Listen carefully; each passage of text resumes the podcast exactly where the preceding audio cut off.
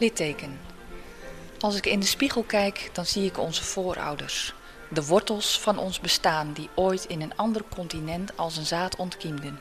Zonder enig medelijden, als vee op elkaar gestapeld, aan hals en voeten vastgeketend, naar een andere wereld verbannen, die mijn heden bewolkt.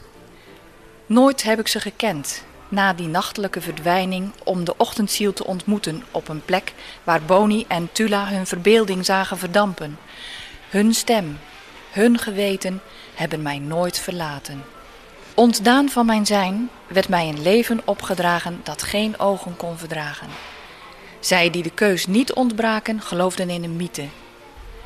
Mijn huis schreeuwt om een naam, die van respect en erkenning, om het einde in zicht te krijgen. Overal waar dit een litteken draagt, dat in ons midden ligt begraven.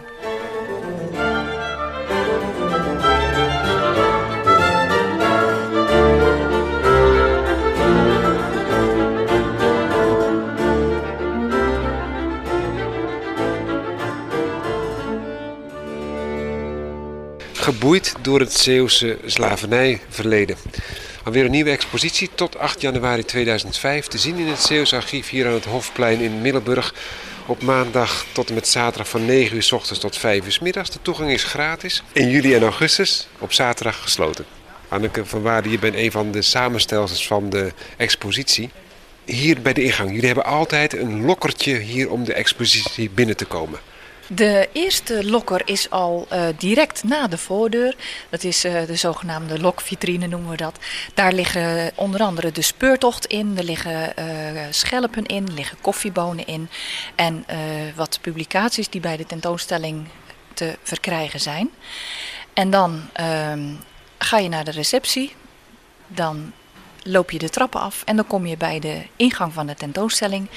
Daar staan wat uh, vaten, wat tonnen en dergelijke. Uh, en daartussen staat een computer. En op die computer kun je een reis meemaken met het MCC-slavenschip Het Vergenoegen. Die reis die, uh, kun je zelfs ook thuis meemaken op www.slavernij.kennisnet.nl. De makers hebben uh, een logboek genomen van het, het, uh, de laatste reis van het slavenschip Het Vergenoegen. En uh, door iedere keer een bladzijde van het logboek op de computer om te slaan, kun je heel de reis meemaken. En dat is heel bijzonder. Er staat ook nog een, een tv hier, Doorbreekt de Stilte. Vervaardigd in de opdracht van het Nationaal Instituut Nederlands Slavernijverleden en Erfenis in Amsterdam. Een interview of een reportage? Het is een documentaire. Um, nakomelingen van slaven die vertellen over wat het, het, slavernijverleden in hun leven betekent en hoe ze, dat een, uh, hoe ze daarmee omgaan en hoe ze dat een plaats geven in hun leven. De aanleiding van deze expositie is het uh, jaren van de slavernij. Het is, er is ooit een instituut in 2002 opgericht in Amsterdam. Toen is dat begonnen. Het is eigenlijk zelfs al eerder begonnen in, uh, in de jaren 70. Toen, uh, 1975, toen Suriname onafhankelijk werd. Toen zijn heel veel Surinamers naar uh, Nederland gekomen om hier te komen wonen. En toen hebben ze ook het slavernijverleden meegenomen. Dat was eigenlijk, het is eigenlijk een, een soort verborgen bladzijde in de Nederlandse geschiedenisboekjes. Want wij weten er helemaal niet zoveel van. Het is natuurlijk ook niet zo'n hele heroïsche periode. Het, het gaat niet over de prachtige veldslagen van uh, Michiel de Ruiter of uh, allerlei uh, grote toestanden die onze volkshelden allemaal hebben gedaan. Nee, het is, het is iets waar je niet trots op kunt zijn. Het, op, op slavenhandel en slavernij. En dat is natuurlijk aan, aan, aan de andere kant is dat ook zo. Het is natuurlijk ook niet prettig om te zeggen van nou, mijn voorouders waren mensen die uit hun land geroofd zijn en die zijn als slaaf zijn opgegroeid en hebben gewerkt op een plantage. Dus is van beide kanten is het uh, uh, best een moeilijk verleden. En uh, men heeft toen organisaties opgericht om dat verleden zichtbaar te maken. En geprobeerd om, om, om dat verleden in die zin zichtbaar te maken dat we dat samen kunnen integreren in onze geschiedenis. Het is een, een gedeeld verleden. Dat betekent dus dat er van juli 2004 tot juli 2005 een jaar van de slavernij is, van de Zeeuwse slavernij. Ja, het is het jaar van de, het Zeeuwse slavernijverleden. En dat is inderdaad uh, van 1 juli 2004 en 1 juli 2005. En het is uh, onder andere een onderdeel van het jaar van de slavernij... wat UNESCO heeft uitgeroepen in 2004. Dat betekent dus dat de opening dus al inmiddels plaatsgevonden heeft. Jullie hebben de expositie. Uh, we zullen daar straks in drie ruimtes hier onder het Van der Perrenhuis. Hè, dus dat zijn de gewelven die dus ooit in functie waren als keuken en dergelijke. Wat we al eerder hebben gezegd, uh, bekijken.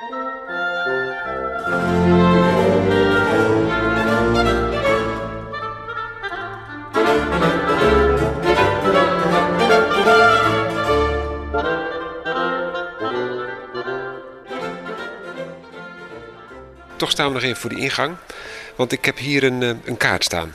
Er is een projectgroep geweest eh, van een aantal PABO-studenten. Die hebben dus als eindproject hebben die dus een eh, slavernijkist samengesteld. Die kist die zie ik hier ook staan. Er zit van alles bij.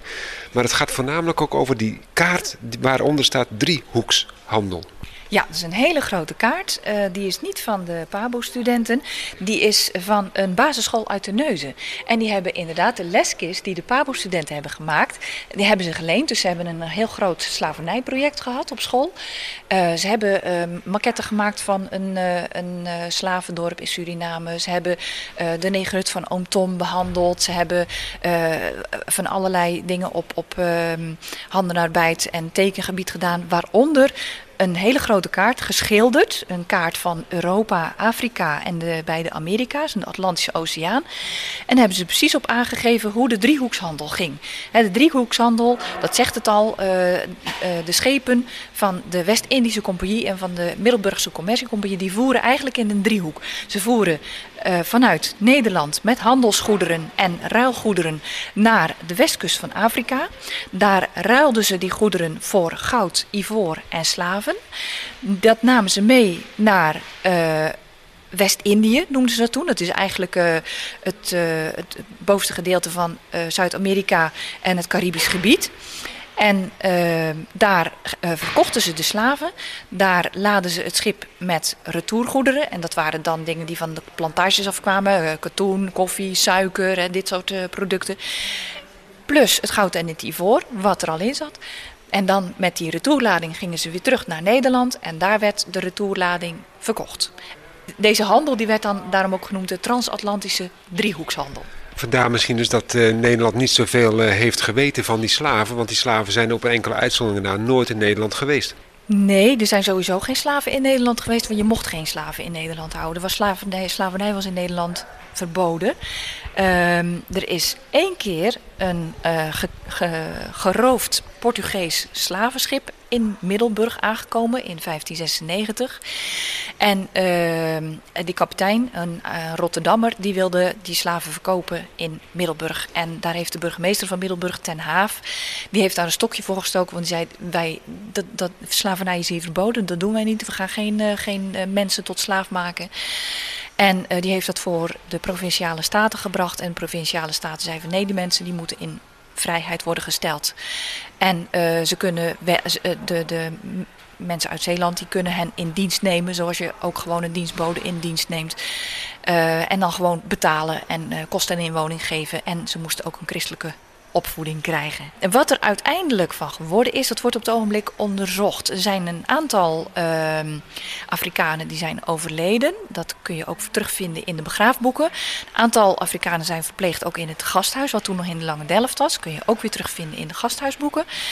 Maar wat er nou precies met de rest is gebeurd, uh, want die, uh, die Rotterdamse kapitein is in hoog beroep gegaan. En bij de Raad van State. En de Raad van State heeft toen gezegd van nou, het kan ons niet schelen doe maar wat je goed dunkt en breng het maar weer terug naar de Staten van Zeeland. Maar er is verder niks meer in de archieven van de Staten van Zeeland van terug te vinden. Dus wat die nou uiteindelijk, of ze op teruggekomen zijn op hun besluit, is niet helemaal duidelijk. Maar dat wordt op het ogenblik uh, uitgezocht door uh, mevrouw Hondius. Die gaat kijken of ze daar nog iets van kan achterhalen, waar die Afrikanen gebleven zijn. Dus er kunnen dus nog Nederlanders zijn, misschien Zeeuwen, dus die dus rechtstreeks afkomstig zijn van die slaven, theoretisch. Ik denk niet dat ze zich zo gauw gemengd zullen hebben. Nee. Goed. Ik stel voor dus dat we de tentoonstelling ingaan. Dan luisteren we eventjes naar de muziek die ooit te horen was bij de opening van het jaar van het Zeeuwse slavernijverleden in de aula van de bibliotheek hier in Middelburg.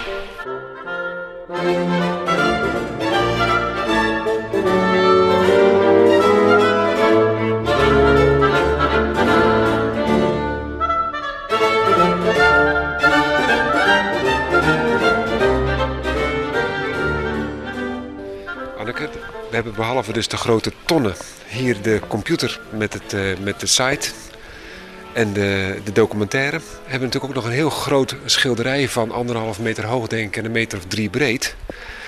Dat heeft er ook mee te maken. Dat zijn allemaal uh, ja, 16e eeuwse schepen. Um, ja, nou, het zijn schepen uh, uit de 18e eeuw. En het is een, uh, een, schilderij wat gemaakt is door Engel Hogerheide. Dat is een uh, bekende schilder, geboren en overleden in Middelburg, 1740, 1809. En dat stelt voor tien snauwschepen ehm, van de Middelburgse Commerciecompagnie. Het waarschijnlijk is het gemaakt in opdracht van een directeur van de commerciecompagnie die um, er staan uh, dan een aantal schepen op, tien schepen, die onder zijn bewind of tijdens zijn bewind hebben gevaren. En een aantal van die schepen die, uh, die uh, heeft men kunnen achterhalen, omdat ze bij het restaureren van het schilderij hebben ze heel goed gekeken of ze namen konden, konden lezen. En je kunt onder, onder andere zien de Nieuwe Hoop, de Vigilantie, de Jonge Willem, en de enigheid. En het uh, waren inderdaad allemaal schepen van de, van de Middelburgse Commerciecompagnie. Ja. Wij gaan straks de tentoonstelling uh, bezoeken. Dat doen we aan de hand ook van een reis van één van die schepen van de, van de MCC. Dat is de Vergenoeging. Is dat een, een schip wat ooit ook slaven vervoerd heeft? Ja, zeker. Het, het Vergenoegen heeft drie of vier reizen gemaakt. Um, en dat waren gewoon uh, transatlantische driehoeksreizen. En een onderdeel daarvan was uh, de slavenhandel. Ja. We gaan eens eventjes uh, naar binnen. En terwijl we naar binnen lopen, kan ik u nog melden dat ook aan deze tentoonstelling een, een speciale kijk- en luisterwijzer is gekoppeld. Samen met een, een, die te koop is bij de Bali. Een prachtige slavernijroute. Geschiedenis ligt op straat, geboeid door het Zeeuws slavernijverleden. Eerst eventjes naar die kijk- en uh, luisterroutewijzer. Kunnen die uh, scholen die hier het bezoeken het hier gewoon meenemen of stuur je het op naar een school als voorbereiding? Dat kan. Als een school zegt van nou ik wil dat we graag eerst van tevoren even zien, dan kunnen we dat opsturen, zowel digitaal als gewoon een exemplaar. Hè?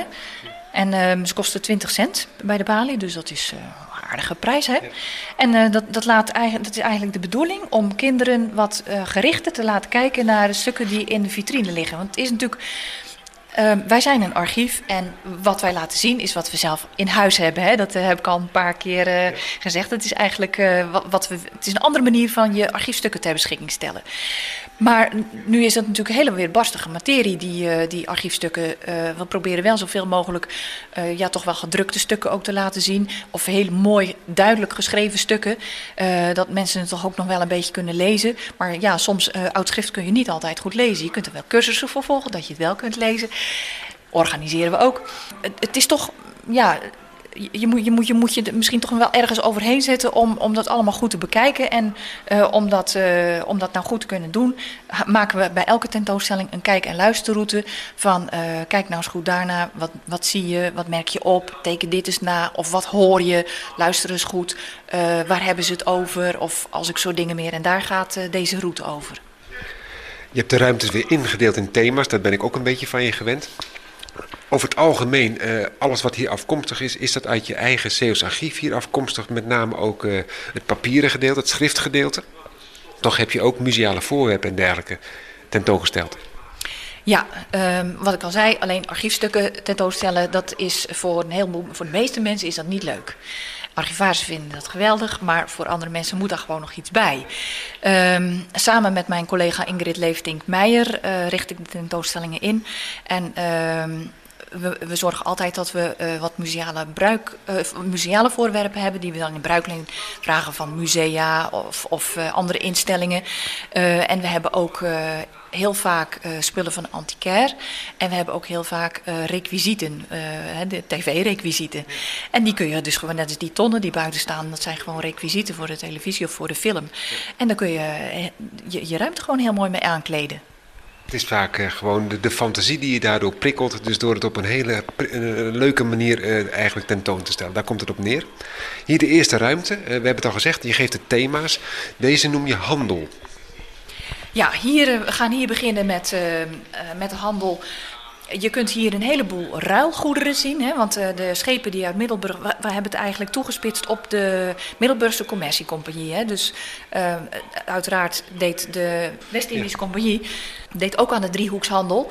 Uh, maar het archief daarvan dat ligt in het Nationaal Archief in Den Haag. Dus daar hebben wij zelf nauwelijks stukken van. Behalve wat stukken in familiearchieven. Maar het archief van de Middelburgse Commerciecompagnie. dat hebben we hier helemaal. Dat is een dikke 30 meter. En daar kunnen we dus vrijelijk uit putten. Um, alleen, zoals ik al zei, stukken zitten daar niet in. Uh, uh, voorwerpen zitten daar niet in. Die voorwerpen hebben we dus geleend, onder andere van het Maritiem Museum in Vlissingen. Ehm, wat van de antiquair, wat van de requisietenman.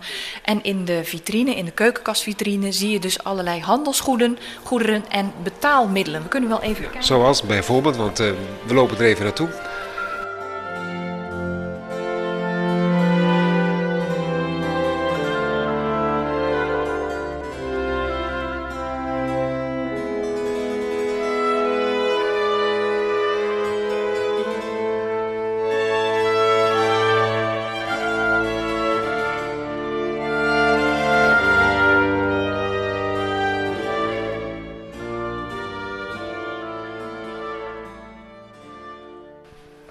Namen ze mee aan handelsgoederen? Uh, sterke drank. En dan uh, kun je bijvoorbeeld denken aan jenever of iets dergelijks, wijn, uh, rum en zo. Um, ze namen geweren mee, buskruid, kogels, Um, textiel en, en uh, als ik zo dingen, textiel zowel uit, uh, uit Azië. Hè, want uh, we hadden ook nog de Verenigde Oost-Indische Compagnie, die voer op Azië. En die namen de, alle, de meest prachtige stoffen mee. En die waren erg geliefd in, in Afrika. maar ook Hollandse textiel werd meegenomen. En um, verder had je dan nog gangbare betaalmiddelen die, die dus kon gebruiken in tegenwoordige Ghana, dus uh, Goudkust, Ivoorkust en Slavenkust. En daar zien we hier wat van liggen. We zien uh, slavengeld. Dat zijn uh, bijna gesloten armbanden, rond. die, die van allerlei metaallegeringen werden gemaakt. En dat was een, een gangbaar betaalmiddelen. En we zien liggen Spaanse matten. Dan denk je natuurlijk altijd aan de zilvervloot hè, van Piet Hein. Die uh, had ook uh, Spaanse matten aan boord. Dat is, het zijn uh, zilver uit de Spaanse koloniën. En daar maakten, dan, maakten ze dan in Spanje maakten ze daar muntgeld van. En een heel belangrijk uh, onderdeel is de kauri-schelpjes. En die kauri-schelpjes die kwamen uit de Malediven oorspronkelijk. En die werden in, uh, in, uh, nou ja, in ieder geval in West-Afrika gebruikt als betaalmiddel. En het leuke daarvan is, dat is dat um, op een tegenwoordige munt van Ghana staat ook nog zo'n kauri-schelpje afgebeeld. Ja. Sterker nog, ze zijn nog te vinden bij de Kaloot, dat kleine schelpenstrandje ook hier aan de Westerschelde. Omdat ze uit wrakken van, van schepen natuurlijk gespoeld zijn. Ja, precies. En dat hebben we dus ook in bruikleen gekregen. We hebben van, uh, van uh, iemand die de, die schelpjes heeft gevonden, hebben we schelpen in bruikleen gekregen. Die liggen hier in de vitrine. Maar we hebben ook een heel spoor van schelpjes. En je kunt die schelpjes, die hebben we gekocht in een winkel aan de overkant in, in Zeeuws-Vlaanderen. En ja, die, die, dat zijn namaakschelpjes. Maar het is heel leuk om, om daar iets mee te doen in de tentoonstelling natuurlijk. Anneke, je hebt hier een aantal schilderijen in deze eerste ruimte. Het gaat over de handel in de expositie slavernij. Wat voor mensen zijn het? In uh, principe zijn het slavenhandelaren en het zijn ook uh, bewindhebbers van de WIC of uh, directeuren van de Middelburgse Commerciecompagnie. Een hele mooie kleurenafbeelding, die is van, van Sitters. Jacob van Sitters, die was burgemeester van Middelburg en directeur van de Middelburgse Commerciecompagnie.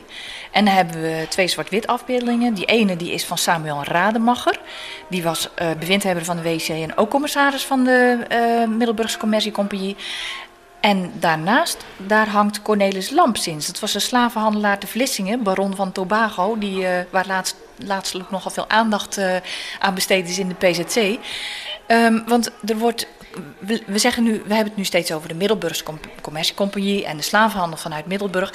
Maar je moet het eigenlijk wat breder trekken. Het gaat over Zeeland.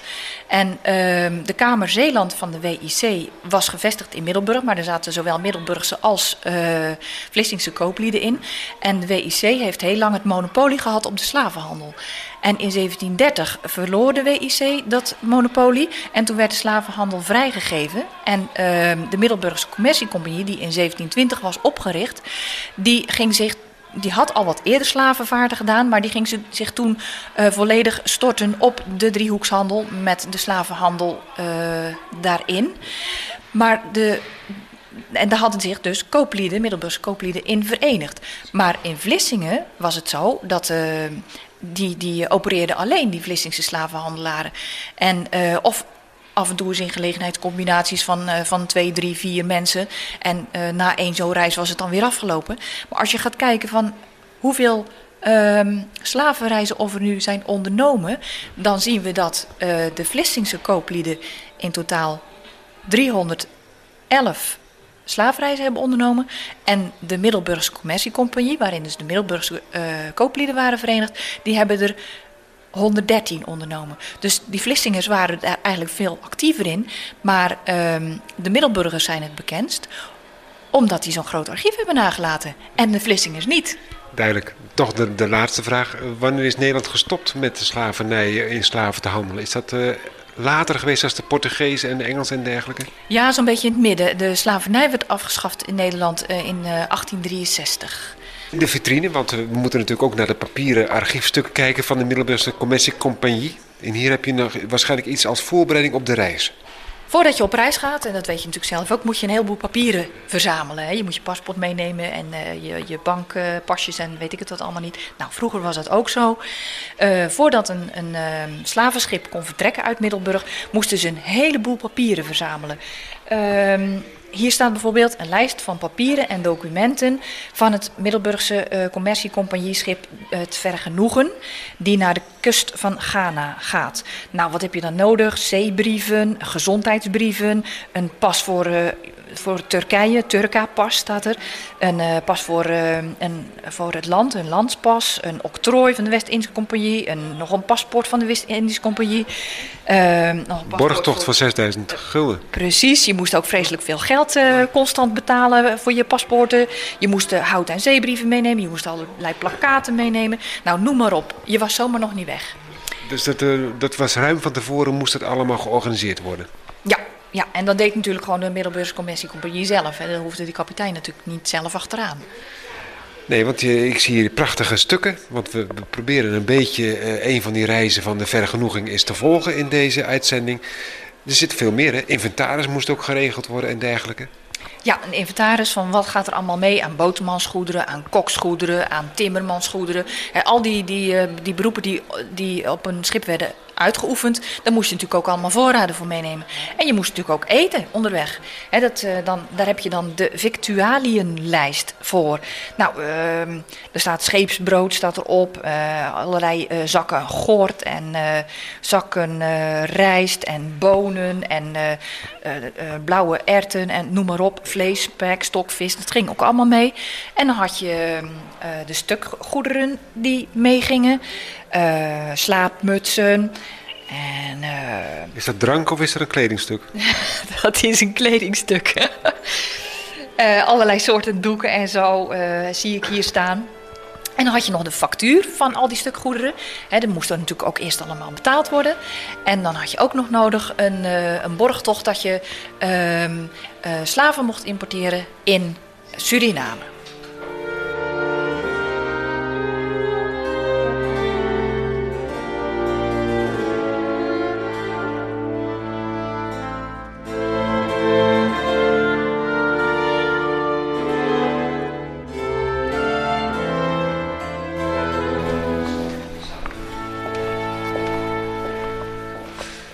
Nou, na de handel, de vergenoeging, we zijn op zee. En dan komen we waarschijnlijk aan in Afrika. Ja, maar zo snel gaat dat nog niet. Oh, dan ben ik, moeten we een stukje terug. Waar zijn we nu aangekomen in vitrine 2? Of in de ruimte 2? Ja, nou we gaan uh, het eerst even hebben in ruimte 2 over de bemanning aan boord. Van wie gingen er nou allemaal mee? Nou, uh, de kapitein, opperstuurman, onderstuurman, een derde waak, een dokter, een ondermeester. Dat was dan de, de assistentdokter, zou ik maar zeggen. De bootsman, de oppertimmerman, de, de, de kuiper, de smid, de kok en matrozen en jongens. En dat ging allemaal mee. En we hebben als voorbeeld uh, genomen uh, één matroos. Die uh, is meegegaan. En je kunt hem helemaal volgen. Dat is Dominicus Kerkhoven. Die, heeft zich, die, heeft, die is aangemonsterd bij het vergenoegen. En je, je ziet hem ook staan op de monsterrol van, bij, onder het kopje matrozen. Dominicus Kerkhoven, matroos van Oostende staat er dan zo bij.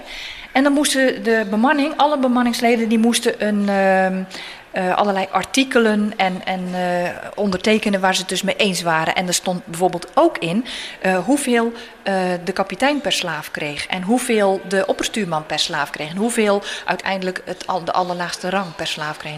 Niet veel geloof ik, maar ze kregen allemaal wel wat. Dus het was wel van belang dat de, de, de lading slaven goed overkwam. Nou, hij, die Dominicus Kerkhoven die kan niet schrijven, dus hij zet een kruisje. En dan moet hij natuurlijk ook zijn bagage hebben, zijn, zijn persoonlijke spullen. Dat wordt dan gekocht, daar zie je hier ook weer een papier van, bij Mozes Polak. Voor een aantal guldens. En dan komen ze uiteindelijk in West-Afrika aan. En dan gaan ze eerst naar uh, de kust van Guinea en dan reizen ze door naar het huidige Angola. En dan stoppen ze bij uh, de reden van Loango. En daar is dan die matroos Kerkhoven overleden. Dat zie je hier in, de, in het soldijboek. En nu was het de, de gewoonte dat als uh, de bemanning overleed, dan werd er een inventaris gemaakt van hun goederen. Hè, dus uh, hun kleding en, en uh, alles wat ze in hun scheepskist hadden. En dat werd gewoon onder de bemanningsleden werd dat verkocht. En daar werd dan ook weer een staartje van opgemaakt van wie dat allemaal had verkocht. Dus het werd niet teruggeretourneerd aan de familie? Nee, Trouwens, uh, sterven uh, op zo'n schip had ook een bepaalde rangorde. Een matroos werd anders begraven als een kapitein. Ja, uh, we zien dat in twee van die reizen van het vergenoegen... Uh, dat twee kapiteins die, gaan, die overlijden dan. De kapitein van dit schip, dat was meneer Bredau... die overlijdt ook, net als matroos Kerkhoven... voor de reden van Loango. Dan liggen ze dus voor anker en dus vlakbij land. Dus die wordt gekist en aan, aan wal begraven. Net als Dominicus Kerkhoven trouwens. Maar uh, op zee uh, was het zo dat, uh, dat, dat als je, ja, dan kun je niet aan land. En dan worden het, het lagere personeel wordt in een zeildoek gedaan. En die worden dan overboord gezet. En de kapitein, daar hebben we ook wat voorbeelden van. Een kapitein die wordt gekist en die wordt met veel vlagvertoon en allerlei dingen wordt die, ook overboord gezet. En de slaaf die dan overleed op zee? Ja, die werden uh, gewoon zonder enige vorm van, uh, van zeildoek of wat dan ook, of vertoon uh, overboord gekieperd. Ja. Hapklare blokjes voor de zeevissen. Hè? Ja. Centraal in het midden van de hal nog een, een prachtig houtsnijwerk uit de westkust van Afrika, volgens mij. Ja, dit is een beeld van een slavenmeisje. Een heel mooi houtsnijwerk is dat. En ze heeft uh, kettingen om haar handen en om haar voeten.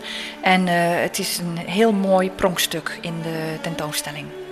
En daaronder weer de koffiebonen en de cowrie-schelpen, hè, om het allemaal weer een beetje dat accent te geven van dat iets als betaalmiddel was. Nou, diezelfde cowrie-schelpjes komen dan ook weer terug in de diverse vitrines, Anneke.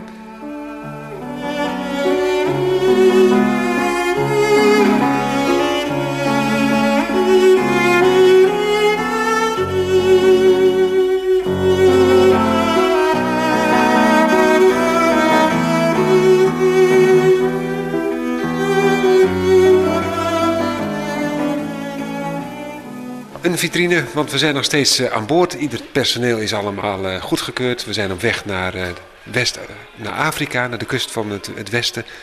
En ik zie hier een aantal dikke boeken. Zijn het de logboeken inmiddels of ga ik weer te snel? Nee, dit zijn de logboeken. Het gaat in deze vitrine over uh, hoe, hoe doe je nou verslag van wat er aan boord gebeurt. En meestal deed de kapitein verslag in zijn scheepsjournaal. En ook de dokter, de scheepschirurgijn, die hield het journaal bij. Het chirurgijnsjournaal, want die moest altijd bijhouden van wat, wat er aan ziektes allemaal wat was. Wat hij allemaal aan medicijnen had gegeven. En wat voor verrichtingen of die allemaal hadden gedaan. En hoeveel mensen of er uiteindelijk overleden waren. Nou, sommige uh, kapiteins, of uh, een enkele keer wordt een logboek ook wel eens bijgehouden door een opperstuurman, die maakten er iets prachtigs van. Dus we hebben een heel mooi voorbeeld uh, neergelegd. Ik zie de schepen, hè? Ja, het is uh, een uh, logboek van een, uh, van een, van een, ook van een MCC-schip.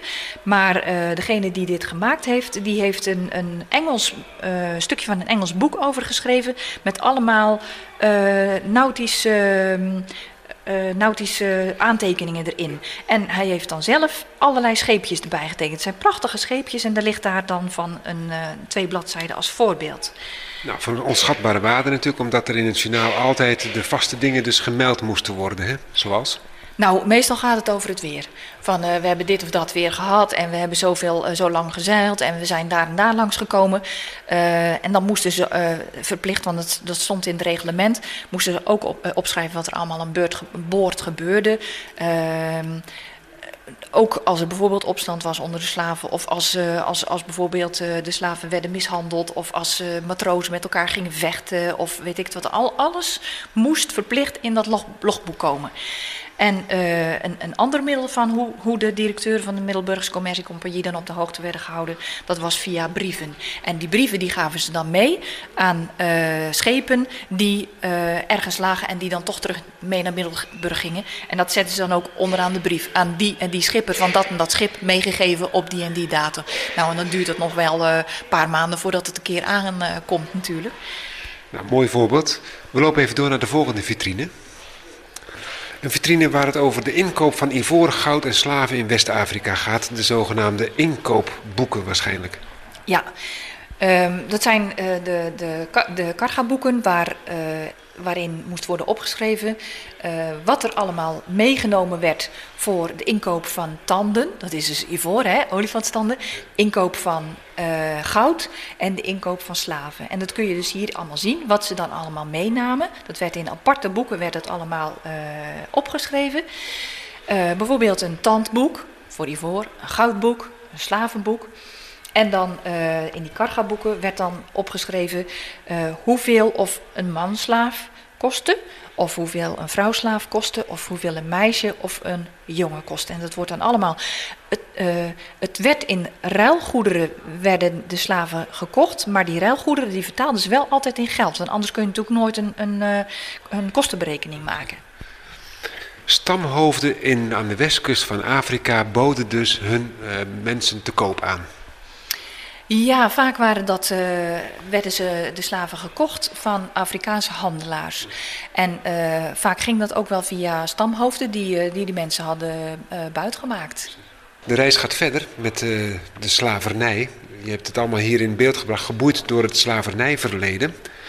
Ik zie hier ook weer een aantal schrifturen of documenten, mag ik dat zo zeggen, Anneke? Ja, uh, in deze vitrine gaat het over uh, het aan boord brengen van de slaven en het leven aan boord. Uh, en dan met name over, over de slaven, hoe die het hadden aan boord. Um, het was vaak zo dat de kapitein die ging dan van boord en die ging onderhandelen met, met de slavenhandelaren, de Afrikaanse slavenhandelaren.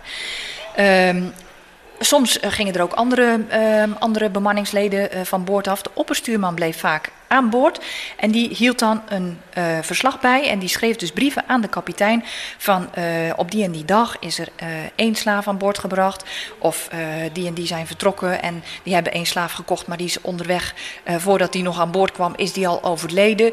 En we hebben altijd het idee van nou, in sommige gevallen was dat misschien ook wel zo dat uh, alle Afrikanen die gevangen waren uh, en die verkocht uh, zouden gaan worden aan Nederlandse slavenschepen, dat die bijvoorbeeld allemaal in Fort Elmina zaten en dat ze in één keer allemaal op dat schip kwamen.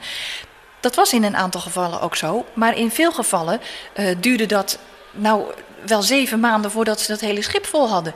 En dan werd er hier eens één Afrikaan gekocht. En dan weer eens daarheen. En dan weer eens daarheen. En, uh, één, en, en dat, dat duurde verschrikkelijk lang voordat die allemaal aan boord waren. En uh, ze zaten dus vaak al, uh, als, je, als, als, als eerste gekocht waren, zaten ze soms al zeven maanden aan boord voordat ze wegvoeren. Of ze werden in, een, in een loods gevangen gezet die aan wal was. Wat was de reden daarvan? Men kon ze niet vinden? Dat, dat vermelden die boeken niet. Het kostte gewoon uh, heel veel tijd om, uh, slaven te kopen. En dat, dat, uh, dat re realiseer je je nooit als je daaraan denkt. Maar ook de Portugezen, de Engelsen, die kochten natuurlijk ook een slaven. Hadden ze elkaars gebieden een beetje verspreid of visten men uit dezelfde vijver? De dezelfde slavenvijver? Nou, de, de Nederlanders die hadden natuurlijk een heleboel uh, gebieden van de Portugezen uh, veroverd. En uh, daar haalden ze dan hun slaven. En het was, geloof ik, wel zo dat ze wel een bepaald eigen gebied hadden. Maar ik geloof niet dat ze te beroerd waren om in, in, in mekaars vijver te gaan zitten vissen. Het waren niet de braafste jongetjes, zullen we maar zeggen. Een prachtige illustratie ook van een, een, ruimte van een slavenschip. Hè. Hoe dus de slaven geboeid in de diverse ruimen zaten. Hè. Prachtige impressie. Ja, het is een uh, hele indringende impressie ook. Je ziet uh, uh, de slaven dicht op één gepakt zitten in een ruim van een schip. En ehm, ja, het, het, is, het is, ze zijn ook allemaal geboeid. En het, is, het geeft een, aardig beeld, denk ik, van hoe het geweest zou kunnen zijn. Aantallen per schip, heb je dat ook na kunnen gaan? Hoeveel slaven per schip? Ja, dat hangt gewoon af van uh, de grootte van een schip. En uh, afhankelijk van de grootte van een schip was het... Uh, nou, het, het, kleinste aantal slaven wat, van, wat de MCC heeft vervoerd was 67. En het grootste aantal was iets van ergens in de 500. Maar de Engelse schepen en de Amerikaanse schepen waren veel groter... dus die konden ook veel meer slaven vervoeren. Nog steeds zijn we hier in de tweede ruimte, hè? We zien nog een hele grote uitvergroting van een prent waar ook een slaaf op afgebeeld staat. In deze vitrine uh, ook weer documenten en illustraties met een heel groot blad waar Suriname op staat. Ja, deze vitrine gaat over uh, de, de, verkoop in, uh, in Suriname of op Curaçao. Op Curaçao was een uh, hele grote slavenmarkt, waar over het algemeen de MCC-schepen naartoe gingen. En daar werden de slaven uitgeladen en van daaruit werden ze verspreid over West-Indië, over de verschillende plantages. ook werden veel slaven verkocht in, op de slavenmarkt in Paramaribo. En een kapitein moest wel een... Uh, een, een, brief bij zich hebben dat hij uh, uh, toestemming had van de, van de directeuren en de regeerders van de kolonie Suriname dat hij slaven mocht importeren. En dat kun je dus hier ook zien. Um, vaak vond de verkoop van, van slaven ook al plaats aan boord. Dan kwamen de, um, de plantage-eigenaren die kwamen gewoon aan boord en die Voordat, uh, voordat er trouwens de verkoop uh, begon, moesten ze eerst gekeurd worden door, uh, door de dokter of ze geen vreselijke ziektes hadden en dergelijke. Want dan mochten ze niet van boord af. Want dan zouden ze natuurlijk de, in, de, de inwoners van, van het hele gebied besmetten. En heel vaak braken er vreselijke ziektes uit aan boord. pokken en rode loop en longziektes en dergelijke. Want het was ehm, een hele slechte uh, toestand uh, in, in, uh, op, op zo'n op zo'n slavendek. En ook niet alle slaven overleefden de reis. Maar met name de Middelburgse Commerciecompagnie, daar, daar is van bekend, dat kun je ook lezen in, in de logboeken. die zorgde wel dat die slaven in leven bleven. Ze kregen regelmatig medische keuring, ze kregen redelijk te eten, ze werden voldoende gelucht ze werden natuurlijk beschouwd als koopwaar. En hoe meer uh, van je koopwaar je verliest, hoe minder, je, hoe minder winststof je kunt maken. Hoe erg het ook mogen zijn, hè? want uh, wij kijken natuurlijk vol afschuw naar, naar, naar vroeger. Toch uh, vaart het schip de vergenoeging verder. Hè? Hier hebben we dus ook de documenten ook, van een van de kapiteins, kapitein Goodwill, hè? Robert Goodwill, die ook op, op het schip heeft gezeten. Ik stel voor dus dat we naar een, een derde ruimte gaan, want daar zie ik al in de verte een bureau staan en een paar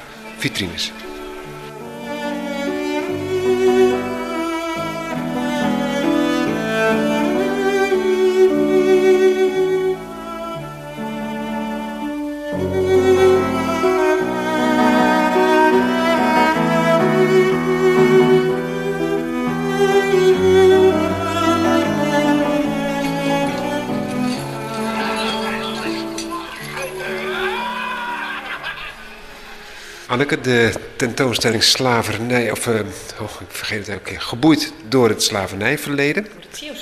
Geboeid door het Zeeuwse slavernijverleden. Een meubel als museaal voorwerp, de vitrines. En natuurlijk de, de, prachtige schermen, die ook, dat valt me ook op trouwens, die doeken waar de tekst heel mooi in staat. Dus je hoeft uh, geen catalogus eigenlijk mee te nemen, je kunt het gewoon lezen. Ja, de teksten die over de ruimte gaan, dus wat er in de ruimte te zien is, die uh, zijn afgedrukt op grote banieren. En wat we ook als banieren hebben, uh, we hebben in elke ruimte hebben we een... Uh, uh, twee tekstbanieren, een zwarte en een witte. En daarop worden citaten vermeld van, uit een boek van Equiano. Dat is een voormalige slaaf die zijn, zijn belevenissen op schrift heeft gesteld. En uh, uit een boek van uh, Joachim Nettelbeck. Dat is uh, een, een, Duitser uit Kolberg. En die heeft een aantal reizen op een van de MCC-schepen meegemaakt als, uh, als opperstuurman.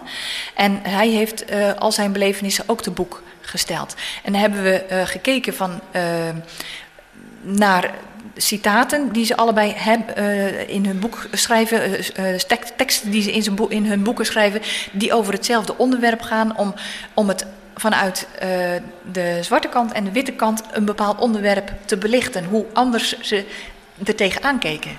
Vrij uniek, hè? Dus dat er dus iets op schrift van een slaaf dus bewaard is gebleven. Ja, dat is vrij uniek. En zeker dat het ook nog uitgegeven is als boek. Ja. Nou, laten we eens kijken. Het, het meubel, ik ben erover begonnen. Uh, het bureau. Zou zo'n bureau ook denkbeeldig zijn geweest op het schip De Vergenoeging?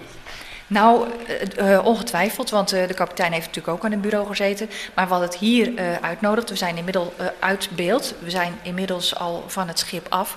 Dat is een bureau van een koffieplantage-houder die ehm, zijn slaven gaat inkopen. En je ziet ook dat er een heleboel zakken met koffie uh, staan bij het bureau. En je kunt het ook heel goed ruiken, want deze hele ruimte ruikt naar uh, koffie. Anneke, hier in de derde ruimte, hier uh, onder het Van der Perrenhuis, het voormalige stadspaleis in Middelburg, wat nu dus ingericht is als expositieruimte en maakt deel uit van het Zeeuws archief. De achterste ruimte, de banieren, de zwarte die iets van de, de, uit het oogpunt van de slaven vertelt, zou je kunnen zeggen. De witte vanuit de, de, de handelaars of mensen die zijn meegereisd met een schip.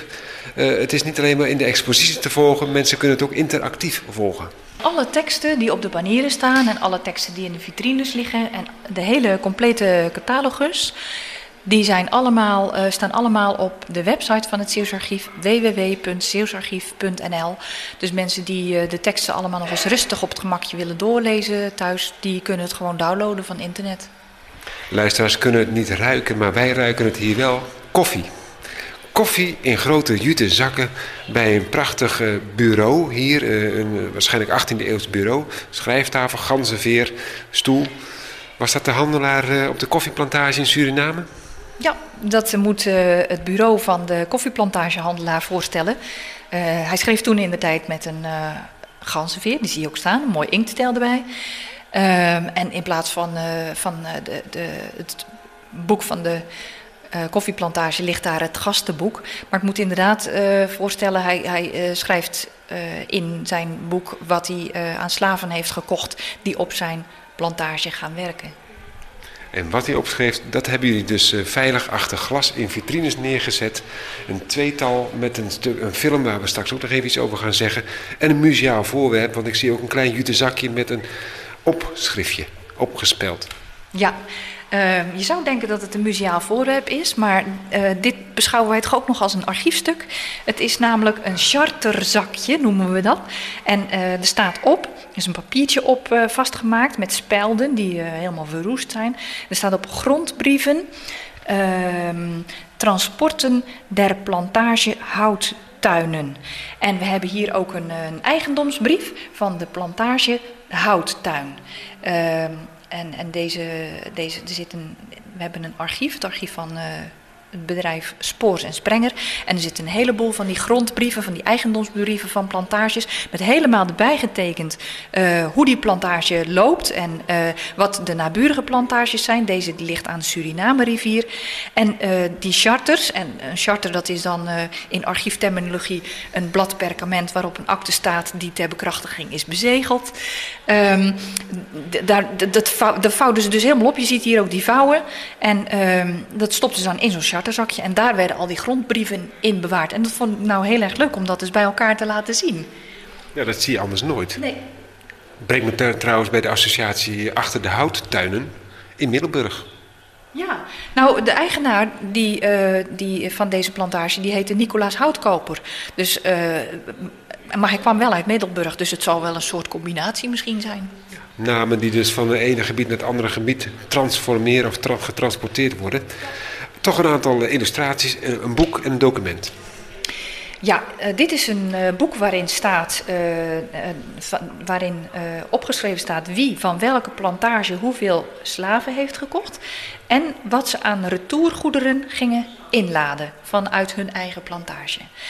En dan elke eigenaar of elke ehm, persoon die dan slaven ging kopen, die kreeg een eigendomsbrief van de slaaf. Want de slaaf is een mens die het onvrije eigendom is van een ander mens. En zo kun je dat uh, eigenlijk uh, omschrijven. En uh, dan kregen we dus een, een, een, ja, een eigendomsbewijs. En dan kun je hier, hier hebben we een eigendomsbewijs liggen van vier slaven, vier vrouwelijke Afrikanen, die in Amerika tot slaaf gemaakt zijn. Um, een vrouw van 63, van 23 en twee uh, kinderen van 15 en 12. En er staat ook achter uh, welk soort slaven zij dan waren. Een veldslaaf, en twee uh, huisslaven. En de veldslaven, dat wil zeggen dat, uh, dat, dat, uh, dat ze dan op de plantage, de, de suikerplantage of de koffieplantage of de katoenplantage moesten werken. een huisslaaf, dat wilde zeggen dat je in het huis van de meester moest werken. En dan had je nog twee verschillende soorten slaven daarbinnen. De gewone huisslaaf en de futuboy. En de futuboy, dat was een, um, een slaaf die altijd in de buurt van de voeten, zal ik maar zeggen, hè, in de, in de buurt van de meester moest blijven. En die moest allerlei klusjes doen, dingetjes aandragen of, of een briefje wegbrengen of weet ik het wat allemaal.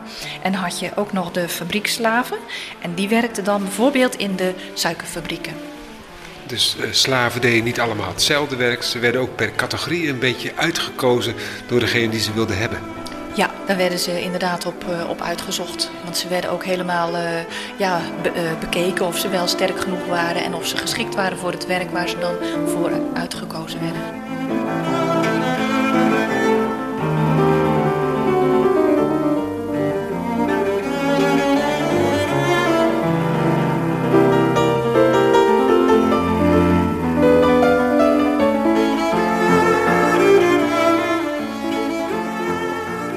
Kwamen slaven alleen maar uit Afrika en werden ze alleen maar naar Amerika dus getransporteerd? In dit geval wel, ja. Ze haalden hun, uh, de, de Afrikanen gewoon uit Afrika en die werden als slaaf verkocht in, uh, in beide Amerika's. Want Amerika die is natuurlijk ook uh, bekend om, om de slavernij. En die werkte met name op de katoenplantages. En bij ons gebeurde dat in de, in de koloniën, hè, in Bambies en Demerari en Suriname, de Guyana's. En dat waren inderdaad eigenlijk allemaal mensen uit West-Afrika. Want toen ze daar de, de plantages uh, gingen inrichten, hebben ze eerst geprobeerd om de, de lokale bewoners, de Indianen, te laten werken op de plantages. Maar de Indianen die waren daar fysiek niet uh, toe in staat. En ze waren niet bestand tegen de ziektes die de, West die de Europeanen meebrachten. En uh, toen dachten ze van ja, we moeten toch die plantages uh, bewerken. Dus dan moeten we sterke mensen ergens anders vandaan halen. En toen zijn ze op Afrika uitgekomen. De volgende vitrine in deze derde ruimte van uh, geboeid door het Zeeuwse slavernijverleden. Prachtige bewerkingen met uh, prachtige ja, logo's zou je bijna kunnen zeggen van de maatschappijen. Ja, dit zijn uh, allemaal plakkaten van de Middelburgse Commerciecompagnie.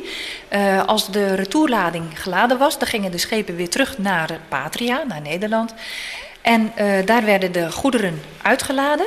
En werden ze gewogen, er werd een prijs voor bepaald. Ze werden opgeslagen in de pakhuizen van de Middelburgse Commerciecompagnie. Die staan in de eerste ruimte, hebben we ook prachtige gekleurde aquarellen van uh, die pakhuizen van de, van, uh, van de compagnie. Uh, die kun je daar zien. En dan maakten ze grote plakaten van wat er allemaal te koop was. Beetje reclameborden. Ja, zo, uh, gewoon een reclame wat je tegenwoordig in de bus krijgt, zo'n reclamefoldertje. En zij maakten daar plakaten van. Uh, je kan bijvoorbeeld lezen, uh, de directeuren van de commerciecompagnie der stad Middelburg in Zeeland zullen op openbare opveilingen met de stokken aan de hand, of aan de meest biedende presenteren te verkopen. Havana-huiden, olifantstanden, indigo, um, wedergebracht kargazoen.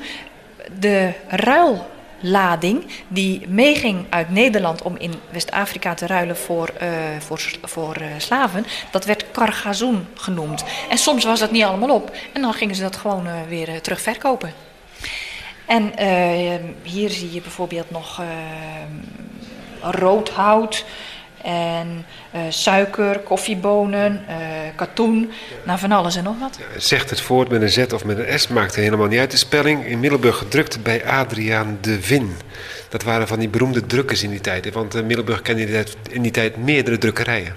Ja, er waren heel veel, uh, heel veel drukkers uh, die, uh, waar, waar je, je, je, kon dus kiezen. Ik neem aan dat ze daar ook wel een offerte voor hebben laten maken. Of dat ze misschien een vaste drukker hadden. Want deze, al deze plakkaten zijn allemaal gedrukt door Adriaan van der Vin. Dus misschien hadden ze daar een contract mee. Dat kan natuurlijk best.